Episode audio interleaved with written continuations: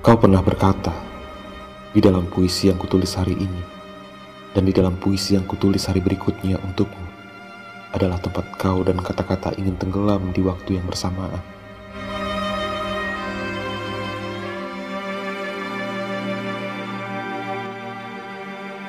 Kau pernah berkata bahwa kau lupa ada berapa banyak puisi yang kutulis untukmu, dan sudah berapa banyak waktu yang habis perihal mengingat-ingat.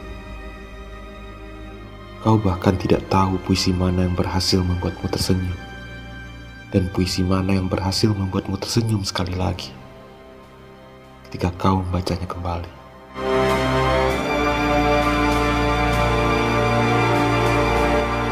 Kau pernah berkata, menerima adalah terluka, bersabar adalah terluka sekali lagi, dan pergi adalah luka yang tak bisa kau hitung jumlahnya.